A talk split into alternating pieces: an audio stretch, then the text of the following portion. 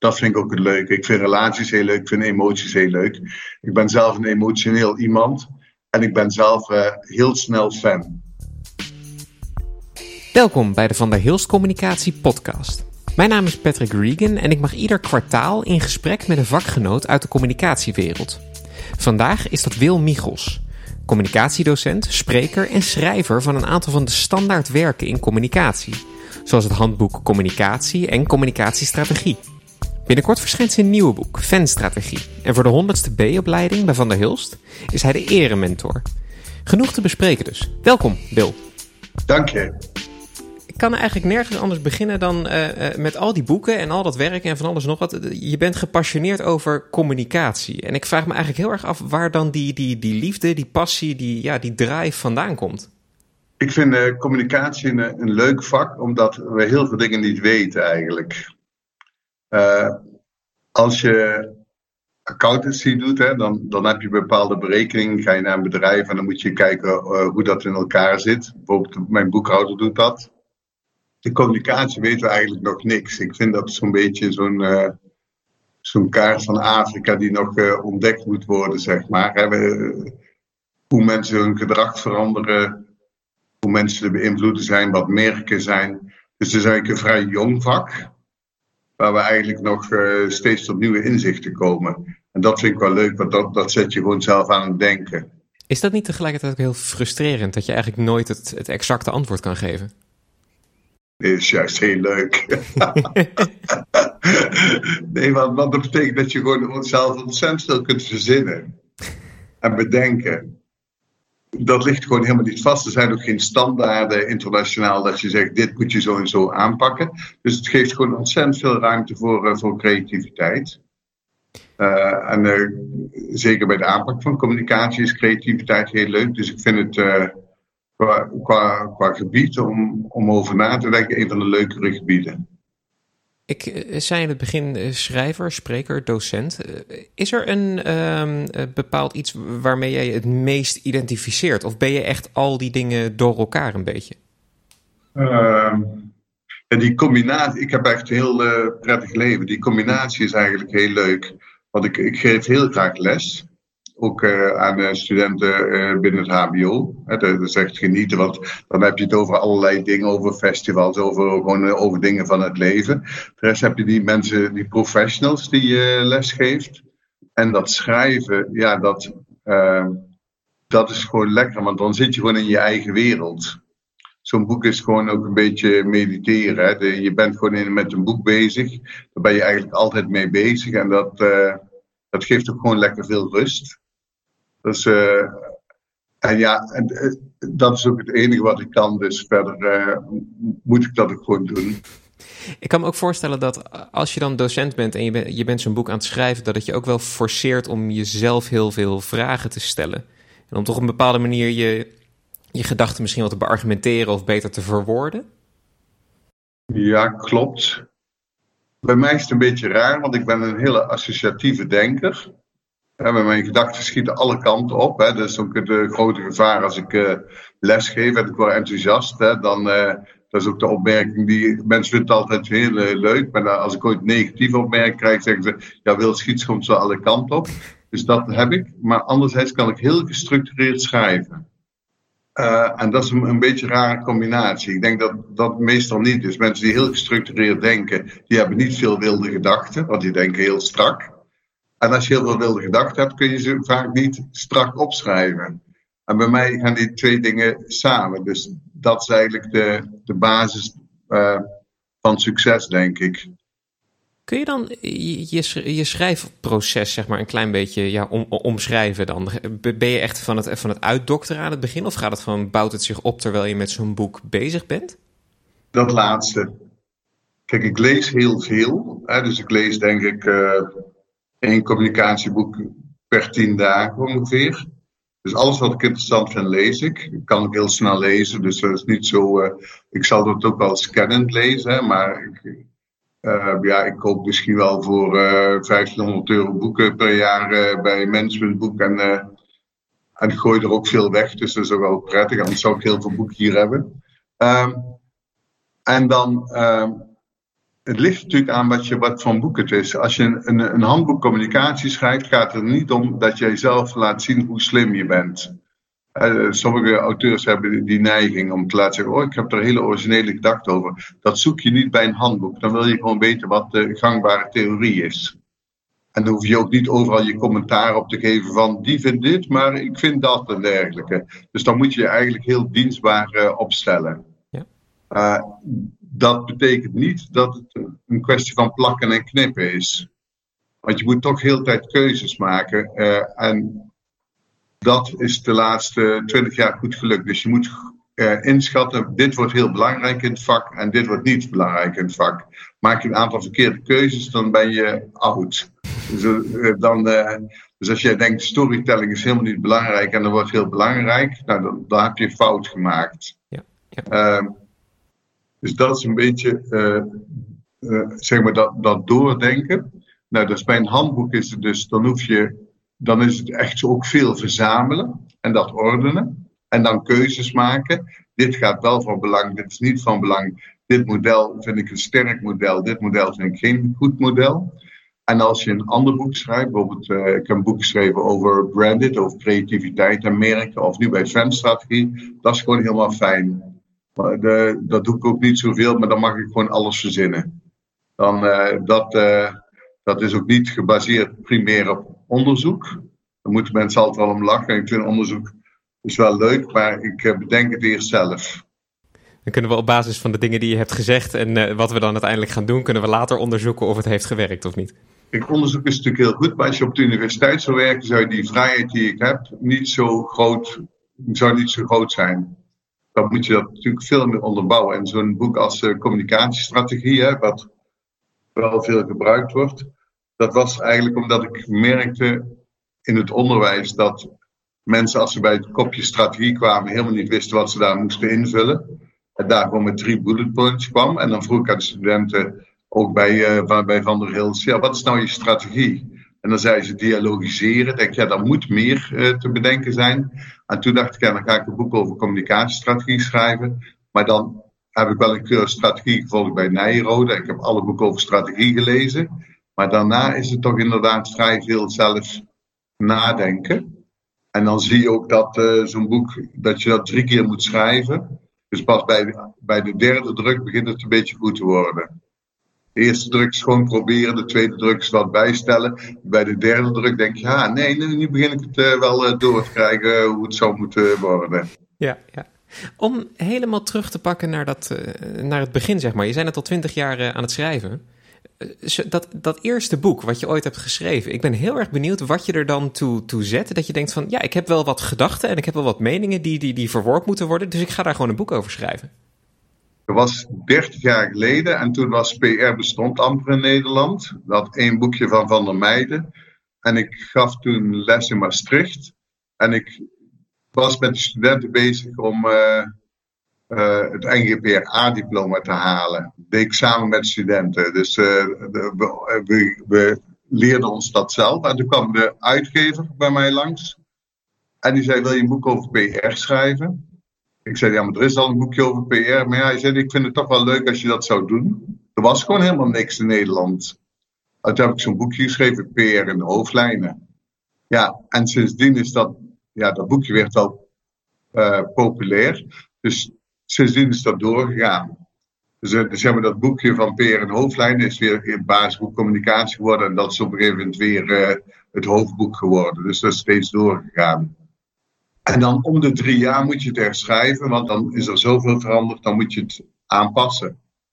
Want dat is het ook. Het is, je zei het al, het standaardwerk, waar mensen eigenlijk een beetje hun. Uh, als ik een communicatieplan ga schrijven, dan kijk ik toch naar het handboek communicatie of inderdaad naar het boek communicatiestrategie. Ik ga ervan uit dat daar gewoon wat dingen in staan die ik uh, niet één op één kan kopiëren, maar in ieder geval waar ik mijn inspiratie uit kan halen. Er staat eigenlijk hoe ik het communicatievak moet doen. Het is een soort van mijn ja, handboek om het iedere drie jaar te veranderen, er staat ook wel een soort van uh, druk op je schouders. Want inderdaad, je kan er niet naast zitten. Nee, dat zijn, dat zijn leuke keuzes. Ja. Die, uh, je moet niet te vroeg zijn met dingen veranderen, maar ook niet te laat. En dat is toch lastig. Ik heb zelf die, die neem bijvoorbeeld die opkomst van internet. En we hebben ooit nog vragen gehad: voor welke bedrijven zijn websites interessant? Weet je wel, ik noem maar even iets geks. Uh, wanneer maak je dan die switch? Hè? Dat je zegt: nee, maar dat wordt heel erg belangrijk. Nou, dan, dan, dan zet je dat meer op. Uh, we hebben nu nog bij de indeling in marketingcommunicatie, intern en uh, corporate communicatie. Nou, je kunt je afvragen of die indeling, of, of je dat om moet gooien, zeg maar een andere indeling moet, uh, moet maken. Dus dat loopt, wel, uh, dat loopt wel steeds door. Als je kijkt naar uh, verandercommunicatie, bij interne communicatie, zijn natuurlijk ook grote veranderingen. Heel die change communicatie, of je die wat meer centraal moet, moet stellen. Um, ja, bijvoorbeeld zo'n Golden Circle model van Cinec vind ik gewoon een heel waardevol model. Denk, oké, dat moet er nog in staan. Ehm, dan heb je reputatietheorie van Van Riel, die heb ik de tijd opgenomen. Denk ja, maar dat vind ik niet meer zo relevant. Want eigenlijk alle theorie die zeg maar voor 2004 geschreven is, dat was er een hele andere context. Dus het gaat om onderdelen, maar het hele vak verandert. Dus de hele sfeer in een boek moet ook uh, veranderen. Je noemde een aantal, eh, aantal dingen, eh, e-commerce, het internet, beeldcommunicatie. Dat zijn allemaal zaken die zijn in de afgelopen uh, decennia eigenlijk uh, veranderd. Ik ben vrij jong, dus voor de meeste, de meeste van die dingen zijn voor mij niet eens een verandering. Dat is gewoon hoe het altijd is geweest. Denk je dat het feit dat je al die veranderingen al hebt meegemaakt en al die veranderingen eigenlijk al hebt omschreven, is dat een voordeel als je verder kijkt? Of komt er een moment dat je misschien ook uh, ja, te, langzaam wordt? Ik wil niet te bot zijn, maar. Nee, zeker. Ik vind, uh, als je naar het communicatievak kijkt in Nederland, dan, dan zijn daar veel te veel oudere mensen te dominant. Dat, dat is zonder meer. Als je dan uh, ik heb ook een keer naar Loga Jong gezegd, ik, ik vind het hartstikke leuk, Betke van Ruler en Kees van Riel en uh, ik en al die mensen. Maar dat is toch een, een, een, die zitten toch in een andere belevingswereld. En als je nu kijkt waar het vak heen gaat, dan heb je uh, iets als Greenhouse in Eindhoven. Daar werken 200 mensen met database content. En je hebt traditionele PR-bureaus en daar werken 18 mensen. En dan gaat misschien, eh, nou de corona iets minder, maar anders zou het goed gaan. Dan werken er volgend jaar twee mensen meer. Dan ons vak is veel te veel gericht op die oude wereld. Dus gaan de oude PR-wereld, de oude public relations wereld. En niet op die nieuwe wereld. En die nieuwe wereld die heeft ook heel weinig aansluiting met dat vak. Zeg maar met het traditionele vak, zo met, met en dergelijke. En daar zit wel een, een, een grote uh, kloof doe jij daar dan zelf op een bepaalde manier, probeer je dan die nieuwe wereld toch te betrekken of is dat, dat lastig? Ik heb zelf dan natuurlijk het dat ik uh, les geef, maar uh, een aardig voorbeeld is wel, uh, mijn dochter is, was een van de eerste vloggers in Nederland. Hè. Mijn, mijn cursisten weten dat wel, dat vertel ik wel. En die begon toen, of die begon als eerste met een blog. En niemand was, wist wat, wat een blog was. En uh, dat ging toen goed. Er zat toen twee volgers, haar, haar, eh, haar uh, moeder en ikzelf. Want toen ze naar Amsterdam ging, toen heb ik haar meteen een fotocursus gegeven. En een fotocamera. Een Nikon, terwijl zij liever een Canon wou. Want ik zei, ja, op de universiteit leer je alleen maar letters. En je moet leren denken in beeld. Nou, en ik zeg niet dat ik, de, Volgens mij was dat wel een van de belangrijke dingen die ik gedaan heb. Zij was toen een van de eerste uh, bloggers.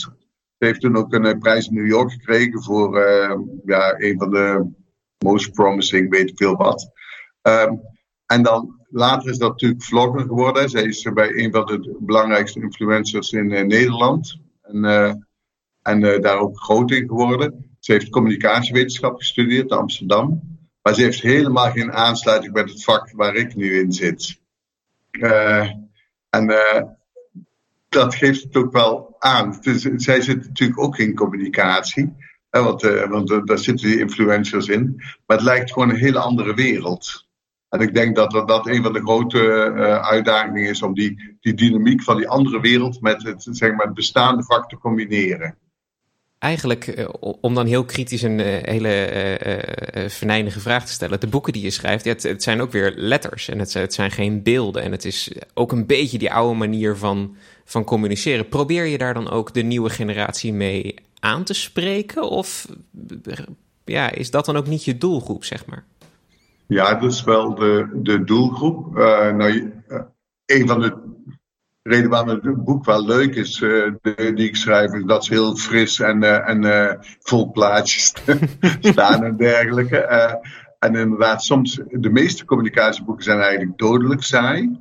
En dan zeg ik al, wat vieze grijze smurrie is dit, weet je, al, allemaal letters. Dus dan denk ik, ja, hoe kun je nou communicatie geven of over communicatie schrijven en zo'n vieze boeken maken? Dus dat, dat klopt. Ehm, ja, de, het boek is inderdaad al een oude vorm. Dat ben ik helemaal met je eens. Um, ik denk wel als je. Communicatie heeft ook te maken met een bepaalde systematiek. En uh, het is voor, voor studenten, denk ik, nog steeds heel belangrijk om een keer een systematische aanpak door te nemen. Dus van voor naar achter. Dus ik geloof wel in het, het leereffect van een, van een boek. Ik leer zelf heel veel van uh, naar lezingen gaan.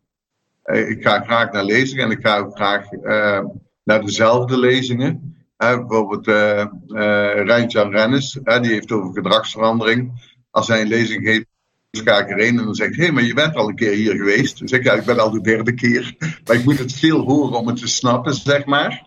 Maar het is mijn boek ook wel zo. Wil je je verdiepen en wil je verder komen, dan moet je, moet, zul je dingen moeten lezen. Uh, ik vind het echt absurd. als ik als ik cursus geef en iemand zegt, uh, nou wat wil je doen? En iemand zegt, ik uh, wil me gaan richten op change communicatie of op uh, influencer communicatie. Dan zeg ik, oh heb je het boek van Carola Lamarck gelezen of heb je dat gelezen? Nee, ik heb niks gelezen. Dan denk ja dat is gewoon onzin. Ik denk dat veel mensen veel meer ook zouden moeten lezen, verdiepen in de literatuur. Als jij zegt, ik ben ik hou me bezig met crisiscommunicatie. Ja, er zijn ook een aantal goede boeken over geschreven. Dan moet je je echt daarin verdiepen. En dan is een boek nog wel uh, zinnig, denk ik. Ik denk ook, eh, als ik het op mijzelf projecteer, ik denk graag dat ik een beetje tussen die, tussen die nieuwe wereld en die oude wereld in sta. Want ik vind ze ook alle twee heel, heel boeiend. En dan is het wel het, het boek en de, de, omschrijving en de uitleg die ervoor zorgt dat je een soort van basis hebt waar vandaan je toch uh, ook juist vernieuwend kan zijn. Ja. Een docent van mij zei altijd van ja, je kan nog zo jong en vernieuwend zijn, maar als je niet weet waar je je zaken op baseert um, en je die achtergrondkennis niet hebt, dan, dan is die vernieuwing eigenlijk heel moeilijk. Dus die, een bepaalde basiskennis heb je dan toch nodig, ook denk ik. Ja, en, en die heel erg gebruiken om, uh, om zelf uh, verder te denken. Uh, dus ik heb in het nieuwe boek ook gezegd, ehm, heel groot laten schrijven. Uit dit boek mag je alles jatten, alles stelen, maar maak er je eigen versie van. Dat is eigenlijk de truc. Hè. Ik vind ook dat hele discussie over uh, plagiaat niet zo interessant. Iemand denkt na en dan zelf ga je ook weer nadenken en dan kom je weer een stapje verder. En zo komt iedereen een stapje verder. En mensen hebben niet door dat bijna alles in ons vak ook maar een beetje uh, verzonnen is. Uh, Cialdini heeft de zeven principes van gedragsverandering. Het had er ook twaalf kunnen zijn. Maar misschien wou je heel graag gaan vissen en denkt, ik stop er met zeven. Snap je? Uh, hij, had, hij had ook dingen anders kunnen geven. Wij maken modellen en dan denken we soms, en dan denk je, ja, het had ook anders kunnen zijn. Weet je wel? Uh, je ziet dat model ook steeds weer wisselen. Uh, dan kom je weer tot nieuwe inzichten en je komt steeds verder. Ehm, ik kan een leuk voorbeeld geven, bijvoorbeeld met kernwaardes. Tien jaar geleden waren kernwaardes voor een bedrijf heel erg belangrijk. Als je geen kernwaarden had, dan zeiden mensen, ja, dan kun je niet communiceren. En dan blijkt dat we daar toch een beetje mee op doorsloegen, weet je wel. Want kernwaarden zijn zo, uh, zo belangrijk. En dan denk je, maar hoeveel kernwaarden moet je hebben? Moet je één kernwaarde hebben met een aantal satellieten erop? Moet je een stuk of drie of vier hebben? Uh, moet je misschien een verschil maken tussen kernwaarden en merkwaardes? En stijlwaardes, wat, wat Rabobank deed. En dan zie je zelfs over één onderwerp in tien jaar tijd dat je, dat je steeds weer een stukje uh, slimmer erin wordt. En niet dat je het eindpunt zult bereiken, maar dat, dat verandert steeds. En dat geldt eigenlijk voor veel, uh, voor veel zaken.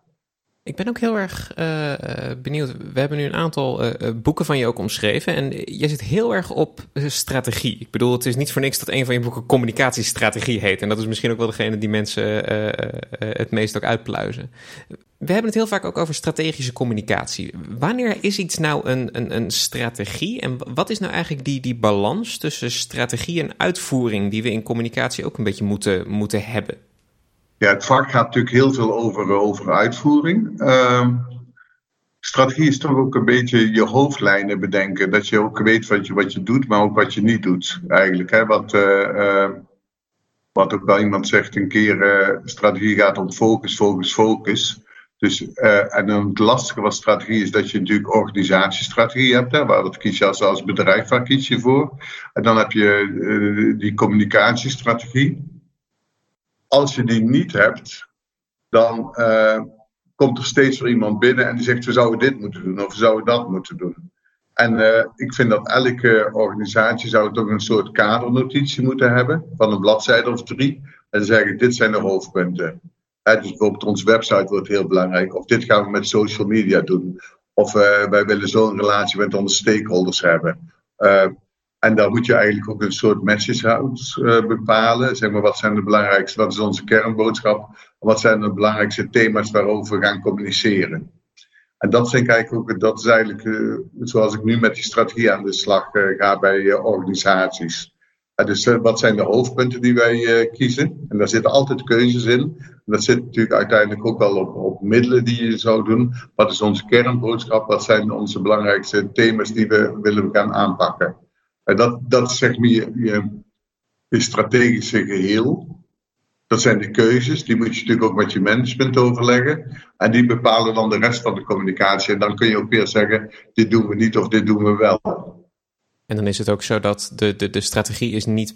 Je bent niet de hele dag of je hele week of je hele jaar met je strategie bezig. Je strategie is iets wat je neerzet. En op basis daarvan ga je dan je uitvoerende uh, zaken uitvoeren, eigenlijk.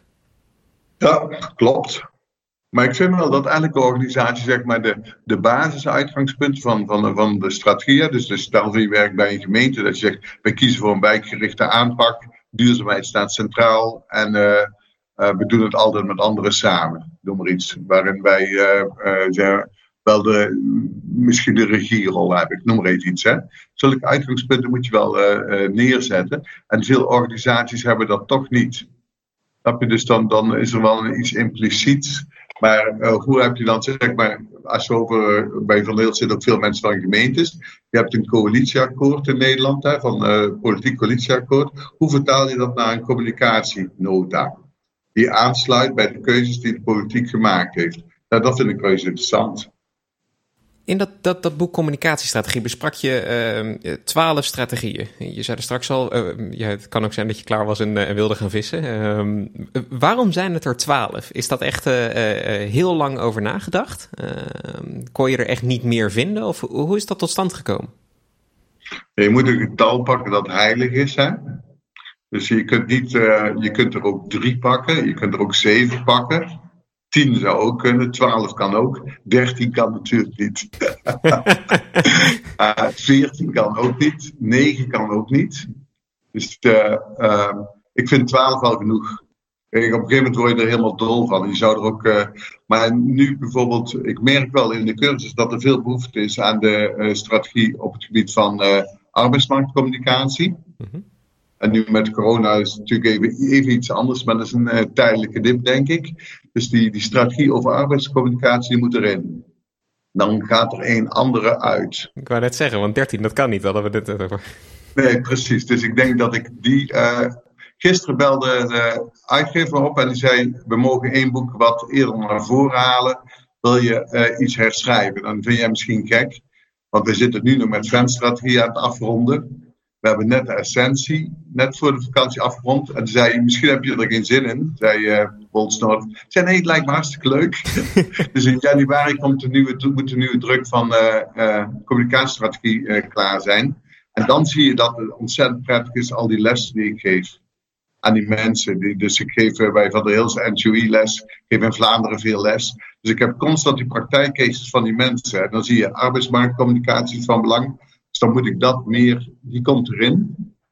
Uh, ik denk toch dat ik meer nadruk op change communicatie moet uh, uh, leggen. Dus dat ik, dat ik die ook meer naar voren ga halen.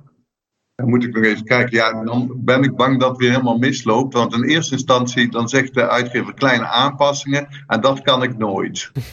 dus eerst begin ik met kleine aanpassingen. En dan breek ik het gewoon helemaal weer af tot het alleen maar het skelet staat en dan ga ik het weer opnieuw opbouwen. en dat is altijd zo. Uh, je kunt niet een beetje aanpassen. Dat, uh, daarvoor wisselt het vak te sterk. Maar ik denk, om terugkomend op je vraag, ik denk toch wel dat het er weer tien worden. Of twaalf worden, of tien, zoiets. Maar elf gaat niet worden en dertien ook niet om het nu eventjes over, uh, over dan het volgende boek te gaan hebben. Want van die twaalf strategieën heb je uh, de fan-strategie gepakt en daar komt nu, een, uh, komt nu je volgende boek over uit. Ja. dan moet ik beginnen met waarom de fan-strategie? Dat het de mooiste strategie is. Ik had een tijd geleden schreef ik op ergens, waar gaat het vak eigenlijk over? En ik, ik heb zelf geen communicatie gestudeerd. Ik heb Nederlands gestudeerd. Dus in die zin is het wel, wel leuk. Ik denk dat het ook wel een voordeel is, want dat maakt dat je heel vrij kunt denken over het vak. En volgens mij gaat het vak over emoties en relaties. Dus dat gewoon, de, tenminste, ja, niet, niet absoluut, hè, dus wereldwijd gaat het daarom, maar voor mij gaat het vak daarom. Dat vind ik ook het leuke. Ik vind relaties heel leuk, ik vind emoties heel leuk. Ik ben zelf een emotioneel iemand en ik ben zelf uh, heel snel fan. Heel snel fan. Ja, heel erg. Uh, ik zag gisteren nog die uh, video's van Billie Eilish. En denk, oh, wat is dat knap. En dan, het zijn natuurlijk jonge mensen, maar dan, uh, dan kun je daar ontzettend fan van zijn. ik ga heel graag naar festivals. Weet je, en als ik een band zie, bijvoorbeeld, dan kan ik echt binnen twee seconden echt fan zijn, maar dan ook lang fan zijn. Hè? Dus ik ben echt fan van Oscar and the Wolf. En ken je die? Nee, nee. We stoppen nu het interview. Uh, ken je die niet? Ik ken, ze niet, nee. Nou ja, dan moeten we dat toch even gaan, uh, even gaan luisteren. Misschien ben ik dan ook fan straks. Nee, maar uh, dus ik vind dat fanschap heel leuk. Ik, ik geloof ook dat je kunt ook echt fan zijn van, ook van merken natuurlijk. Hè? En die emotionele betrokkenheid die gaat zoveel verder dan dat rationele. En we weten natuurlijk uit de neurowetenschap dat, dat emotie veel belangrijker is dan ratio. En dat zit in dat fanschap, zit, zit dat er allemaal in. En ik, uh, het is een, er komt ook heel veel energie vrij als je denkt in termen van fans en niet in termen van doelgroepen. Uh, leuk, moet ik uh, denken dat we in uh, Genk waren en dat we daar zeiden: de mensen zijn wel fier op de stad, maar dan moeten we versterken. Uh, hoe kunnen we zorgen dat mensen meer fan worden van, van de stad? En dat we dachten, als we nu de omgekeerde fanstrategie doen, als de stad fan wordt van de bewoners. Snap je? Dus, en dan zit die emotionele betrokkenheid zit, zit erin. En, en, en de, die identificatie zit erin. Dus al die elementen zitten in die fanstrategie. En dat is toch wel veel um, uh, boeiender, ook uh, vanuit psychologisch oogpunt, dan bijvoorbeeld uh, reputatiestrategie of netwerkstrategie. Om maar iets, iets te noemen. Want kun je enigszins uitleggen, de, de, het doel van een fanstrategie lijkt me dus inderdaad om, om fans te creëren. En ik, proef uit je antwoord al de, de, de kracht zeg maar, van een fan. Ik denk ook dat dat er net tussen ons gebeurde een mooi voorbeeld is van de kracht van een fan. Want jij hebt me net aan een nieuwe band voorgesteld waar je dus fan van bent. Ja, dat doen fans. Uh, word of mouth wordt dan heel sterk. Maar hoe werk je naar zo'n fan toe? Want dat is dus uiteindelijk de fanstrategie die je dan toe moet passen. Uh, nou, het makkelijkste antwoord uh, dat je kan zeggen is: je moet gewoon van fans houden. Dus uh, wat de fout is die uh, bedrijven maken, is dat ze fans willen hebben. Maar het is natuurlijk de idee van, van Cialdini ook. Hè? Je moet eerst geven om te ontvangen. Dus je moet zelf van mensen houden, van, van je klanten houden, er echt om geven. En dan gaan mensen ook om jou geven. Het heeft ook met het principe van wederkerigheid te maken. Dus ik vind dat uh, vaak uh, verkeerd, weet je wel. Dus je, uh, als ik wil dat jij een beetje van mij houdt, moet ik een beetje van jou houden. Anderzijds vind je mij leuker als ik jou leuk vind. Snap je? Dat is, zo werkt de communicatie. Ehm, maar het moet ook geen trucje zijn natuurlijk. Het moet ook echt kloppen. Ja. Als ik college geef, dan zeg ik wel eens tegen studenten, ja, ik hou van jullie. En dan, dan krijg ik ze een beetje raar. Maar dat is natuurlijk gewoon waar als ik dat niet had, dan, uh, dan zou het ook een super saaie les zijn. Ik bedoel, ik mag die mensen echt graag. Uh, en uh, we hebben ook ontzettend veel plezier samen. Maar en dan krijg je die wederkerigheid die er is. Maar het begint eigenlijk dat je, dat je die ander ja, bijna fan van je klanten bent. Of van je studenten of van, je, van wat dan ook. Hoe word je fan van je klanten? Zeker als, als, bedrijf. Want ik kan me bijvoorbeeld een artiest, die heeft van nature en van oudsher heeft die fans. Dat is vrij makkelijk. Je staat voor een publiek en je moet van dat publiek houden. Dat, dat lijkt me een redelijk makkelijke relatie. Maar als bedrijf, ik bedoel, klanten zeuren ook heel veel en klanten willen heel veel van je. Hoe ga je van een klant houden? Ja, ja ik denk dat de, de, de truc is dat je die hele interactie ontzettend leuk vindt. En dat je het leuk vindt om mensen uh, uh, een plezier te doen. Uh, ik had een uh, voorbeeld van een collega, er staat ook in het fanboek van uh, Cool Blue. Uh, ze komen bij een collega-docent een wasmachine brengen en hij zit met zijn kinderen aan tafel en dan zegt de chauffeur, oh wacht eventjes. En die loopt terug naar de wagen en die komt terug met een, een, tekening waar je, die je kunt inkleuren met kleurpotloden. En die geeft je aan de kinderen.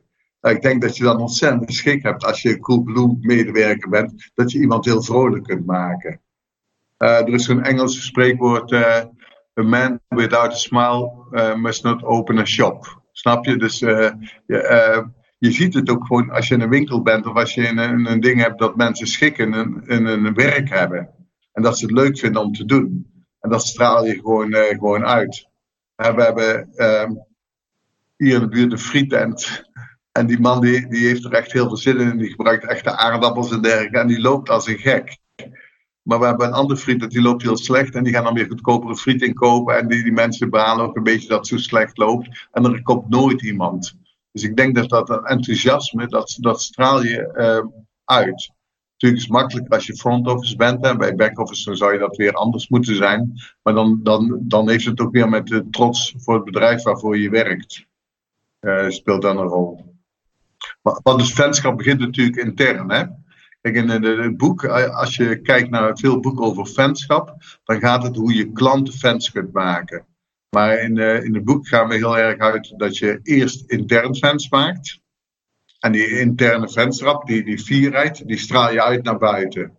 Dus anders wordt het gewoon een trucje. Hè? Van hoe maak ik van klanten fans? En zo werkt het natuurlijk niet. Kijk, het is natuurlijk een leuke vraag om, om ook, uh, die ik altijd stel van uh, wie is hier fan van de organisatie? Als ik cursus geef. En dan is het natuurlijk echt heel vreemd. Bij sommige bedrijven is iedereen fan, want die denken: hoe kun je hier nou werken als je geen fan bent? Bijvoorbeeld bij Stage Entertainment, noem maar iets. Hm. Maar als je bij sommige andere bedrijven vraagt, zegt wie is hier fan? dan is bijna niemand fan. Of dan steken drie mensen uh, van de groep van twintig een beetje half een hand omhoog. Ja, hoe kan dat? Hoe kun je nou in een organisatie werken dat je, niet dat je niet kritisch mag zijn, maar dat je er geen fan van bent? Dat zie je natuurlijk met name bij overheidsinstellingen en dergelijke, bij gemeentes. Weet je, dan is het natuurlijk ook soms wel ingewikkeld. Mensen zijn soms wel fan van de stad waarvoor ze werken, maar niet van de organisatie. Snap je? Maar dan is natuurlijk de truc, leg ik altijd uit, dat je die, dat je die, die die emotie die wel naar de stad gekoppeld is, ook aan de organisatie koppelt. Maar het is op zichzelf heel vreemd. Stel dat ik bij uh, Van der Hilst werk en ik zou geen fan van de organisatie zijn. Dan zou ik mij gewoon uh, uit de cursus halen. Dan zou ik mij gewoon geen les laten geven daar. Want die zou ik gewoon niet voor de klas willen. En toch zijn er genoeg organisaties waar mensen geen fan van zijn. Maar je zei zelf, um, zo'n fanstrategie moet geen trucje zijn. Het moet geen uh, uh, ja, beetje achterbakse manier zijn om dan maar klanten te werven. Maar het is wel een moeilijke omslag voor een organisatie. Als je personeel zeg maar al geen fan van je is, dan ja, het lijkt me een aanpassing die echt niet zo 1, 2, 3 gemaakt is. Maar wat doet de organisatie om fans te maken? Dus, dus eerst moet je gaan denken, waarom zouden mensen hier geen fan van zijn? En wat doet de organisatie om te zorgen dat mensen wel fan worden. En dan weten we, uh, dat weet je bijvoorbeeld ook uit de Gallup-onderzoeken, heel belangrijk is, wat mensen willen, is uh, persoonlijke aandacht. Je wil gewoon gezien worden als persoon. En dat zit met name toch ook wel op de uh, direct leidinggevende. Dat is heel belangrijk. Hè? Dus voel je je vertrouwd in je werk, hè? wat we tegenwoordig ook zeggen, die inclusieve organisatie, krijg je persoonlijke aandacht, weten mensen waar je mee bezig bent. Uh, dat soort zaken zijn dan ontzettend belangrijk om, om een betrokkenheid te voelen. want het zit natuurlijk dan intern heel erg op het gebied van engagement. Past de fanstrategie in de, de, de tijdsgeest waar we nu in zitten. Waarbij um, inderdaad een Coolblue uh, wordt altijd genoemd in dit soort, uh, uh, in dit soort gesprekken. Apple wordt dan, wordt dan heel vaak genoemd. Zijn mensen nu misschien ja, meer bereid om fan te zijn ook van een organisatie? Ja, dat is wel leuk. Bij sommigen ligt dat. Voor, ik heb de boek nu geschreven. Hè. Voor mij is het woord fan vind ik heel leuk. Hè. Sommige mensen willen helemaal geen fan zijn. Fanschap is ook wel uh, uh, cultuur bepaald. Het is makkelijker om fan te zijn in Zuid-Nederland dan in Noord-Nederland. Protestanten zijn niet zo gauw fan, hè? die willen zelfs nadenken. Die, uh, die hebben uh, ook die heilige beelden uit de kerk kapot geslagen. Uh, want die houden niet van heilige dit en heilige dat. Ik kom uit Zuid-Nederland en wij zijn natuurlijk veel meer van fans.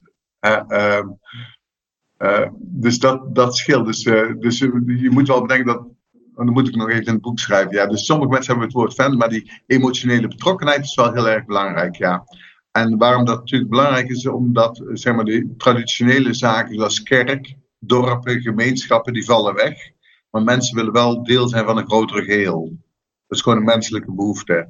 Uh, heeft dat over uh, uh, unity, eenheid. Dus het, het, gevoel bij een groter geheel te horen. En die behoefte is heel groot. Dat is natuurlijk ook waarom bijvoorbeeld festivals zo enorm populair zijn geworden. Uh, je gaat naar een festival, maar je bent daar niet in je eentje. Je staat er niet met, zelfs niet met je groep, uh, alleen met je groep en een pilsje drinken. Maar op een gegeven moment is het bijna een spirituele ervaring dat dat optreden begint. En daar ben je met z'n allen. En je maakt het allemaal samen mee.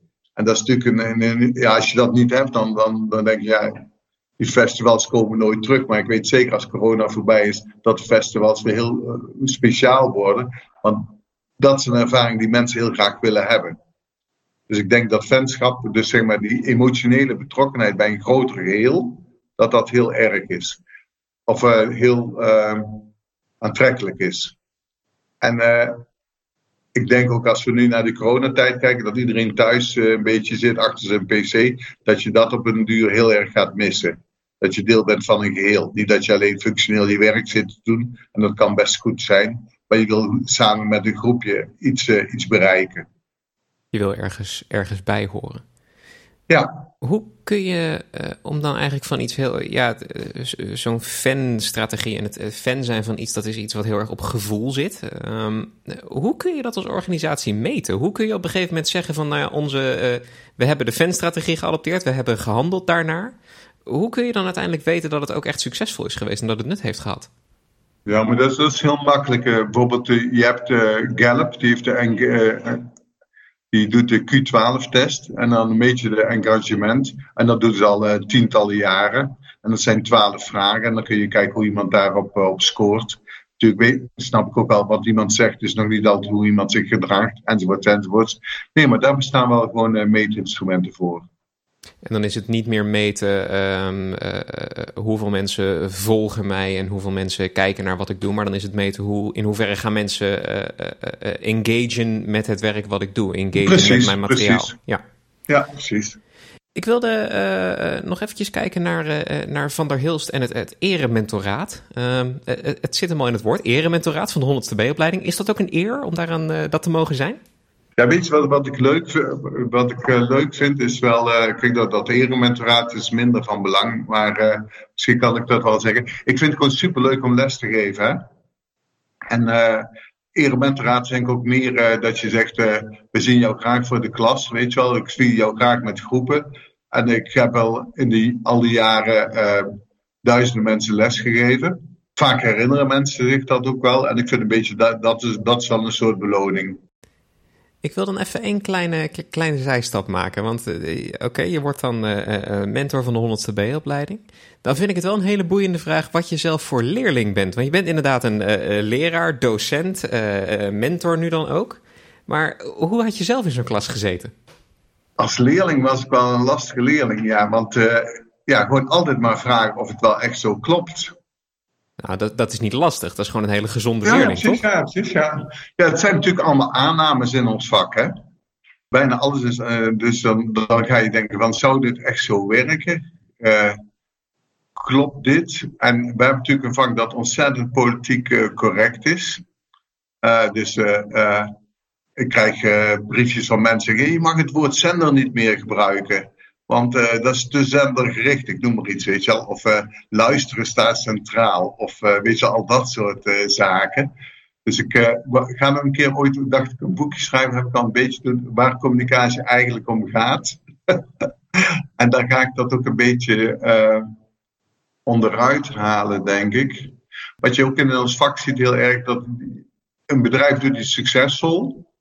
Dan ga je nog twee bedrijven die zoeken die het ook succesvol doen. En dan wordt dat een theorie. En dus bijvoorbeeld eh, ING werkt met squads of die werkt agile. Nou, dan ga je kijken uh, welke bedrijven ook uh, agile werken. En dan ineens zeg je dat alle bedrijven agile moeten werken. Kijk, het leuke bij, uh, bij zou natuurlijk ook zijn dat er bedrijven zijn die helemaal niet met volgens de fanstrategie werken. Die daar gewoon helemaal dat totale onzin vinden en toch heel succesvol zijn. Voor Ryanair. Die hebben helemaal geen vetstrategie. Die doen helemaal niet veel om de emotionele betrokkenheid te doen. En draaien toch ontzettend goed.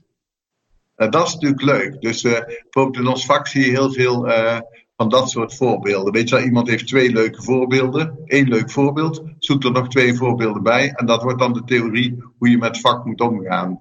Terwijl iemand anders dat misschien weer heel anders doet. Uh, dat soort dingen, dat vind ik wel, uh, dat vind ik wel interessant.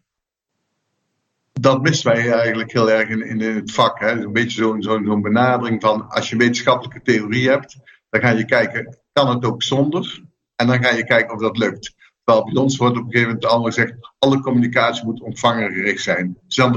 Zendergerichte communicatie is verkeerd.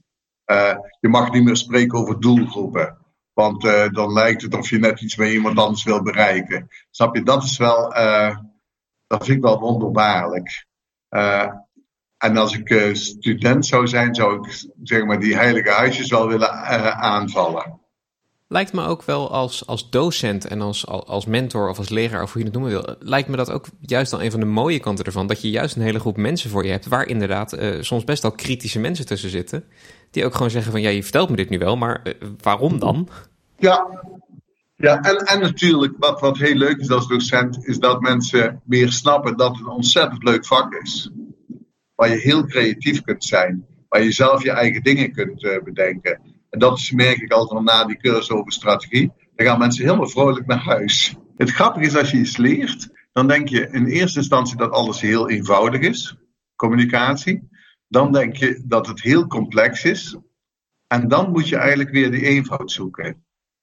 En, uh, en dat leer ik studenten ook wel. Dus er komt een, uh, een vrouw daar, naar me toe en zegt: Ja, ik werk bij een multinational. Wij hebben een centrale afdeling. Wij moeten werk gaan overnemen van de verschillende landendivisies, decentraal.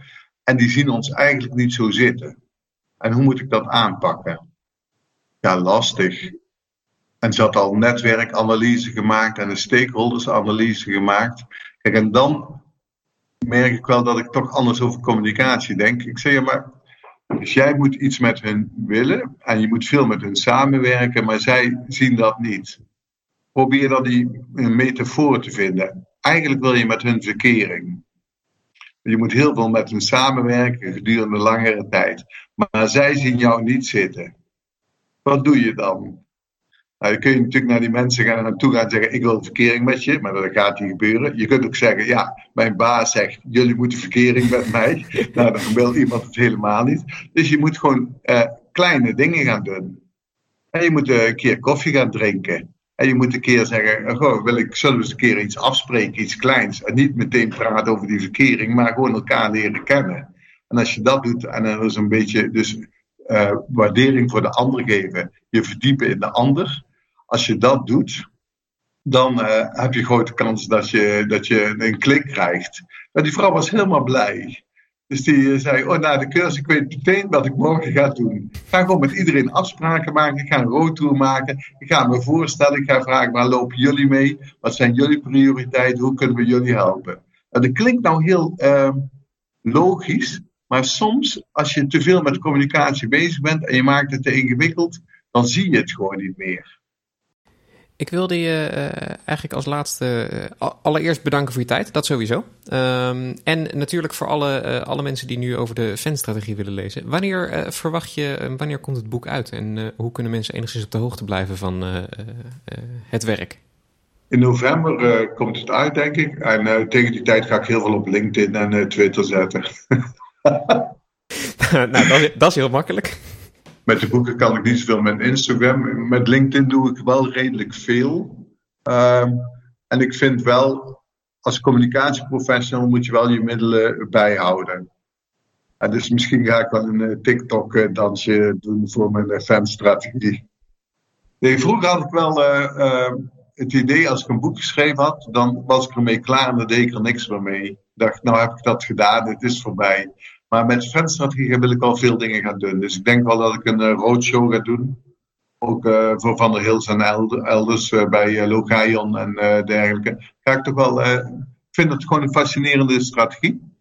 En wat ik zei, ik had, ik had hem dus al in het, in het strategieboek staan. Nu is het een apart boek geworden. en ik wil er toch wel over doordenken ik denk dat je ook uh, mensen die, die goede vragen stellen, waar, waar, wat je ook zegt, hè, van uh, moet iedereen fan worden? Of wat moet je doen om fan te krijgen? Al dat soort vragen zet je gewoon steeds scherper. En dan kunnen we die theorie ook weer verder ontwikkelen. Onwijs bedankt voor het luisteren naar de Van der Hilst Communicatie podcast. Wil je op de hoogte blijven van alle interviews die nog gaan komen? Abonneer je dan in je favoriete podcastspeler. De Van der Hilst Communicatie podcast is van voor tot achter gemaakt door mij, Patrick Regan. In opdracht van Van der Hilst Communicatie. Je vindt Van der Hilst op Twitter, LinkedIn en Facebook en natuurlijk op het web via hilst.nl. Dank voor het luisteren en tot de volgende.